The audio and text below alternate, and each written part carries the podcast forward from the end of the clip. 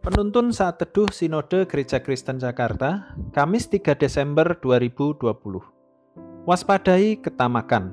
Terambil dari Lukas pasal 12 ayat 13 sampai 21. Seorang dari orang banyak itu berkata kepada Yesus, "Guru, katakanlah kepada saudaraku supaya ia berbagi warisan dengan aku." Tetapi Yesus berkata kepadanya, "Saudara, Siapakah yang telah mengangkat aku menjadi hakim atau pengantara atas kamu? Katanya lagi kepada mereka, berjaga-jagalah dan waspadalah terhadap segala ketamakan, sebab walaupun seorang berlimpah-limpah hartanya, hidupnya tidaklah tergantung daripada kekayaannya itu.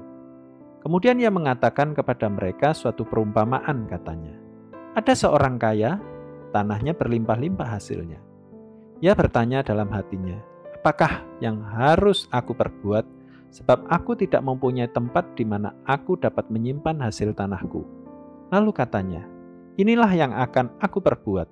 Aku akan merombak lumbung-lumbungku, dan aku akan mendirikan yang lebih besar, dan aku akan menyimpan di dalamnya segala gandum dan barang-barangku.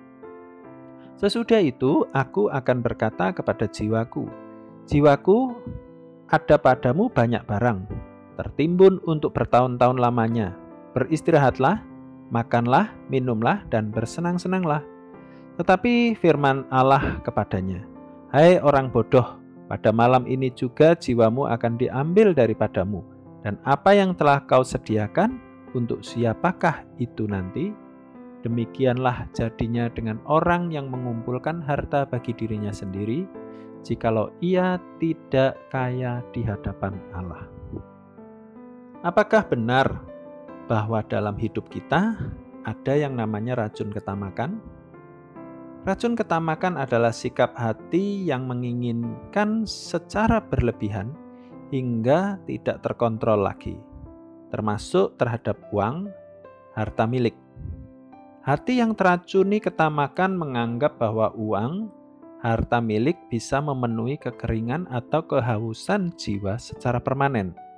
Karenanya, banyak orang yang berusaha dengan segala cara dan upaya untuk mengumpulkan uang, harta sebanyak-banyaknya. Semua itu digunakan untuk bisa bersantai, bersenang-senang dalam waktu yang lama.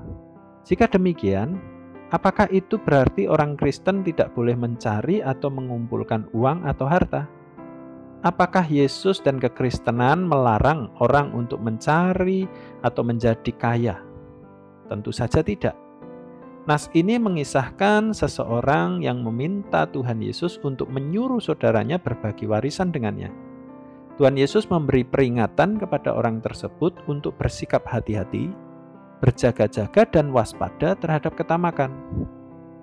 Alasan Tuhan Yesus memperingatkannya adalah bahwa hidup tidak tergantung pada harta kekayaan dan kelimpahan yang dimiliki seseorang untuk memperjelas maksud pengajarannya, Yesus memberikan perumpamaan tentang orang kaya yang bermaksud menambah kekayaannya dengan tujuan agar bisa hidup bersenang-senang dan menikmati kekayaannya. Apa yang salah dengan orang kaya dalam perumpamaan ini? Adanya ketamakan dan sikap hidup yang tidak seimbang karena hanya mengutamakan harta kekayaan tanpa mengimbangi dengan mengutamakan kekayaan rohani melalui relasi yang erat dengan Allah.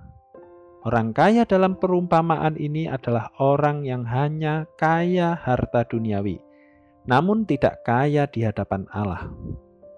Jadi, persoalannya bukan kaya harta atau tidak, tetapi sikap hati yang tamak dan tidak mengutamakan Allah dan kebenarannya membuat hati tetap jahat. Bagaimana sikap dan pengertian Anda tentang mengumpulkan uang atau harta kekayaan?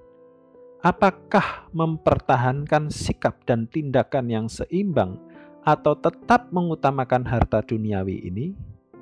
Dari pengajaran Tuhan Yesus, kita bisa belajar sikap hati yang benar, yakni tidak hidup dalam ketamakan dengan kesadaran bahwa hidup kita hanya bisa dipuaskan melalui membangun hubungan dengan Allah di dalam Kristus Yesus. Perlu memikirkan fondasi hidup kita, yaitu mengutamakan Allah dan kebenarannya yang menerangi hati kita, sehingga kekayaan spiritual akan kita dapatkan.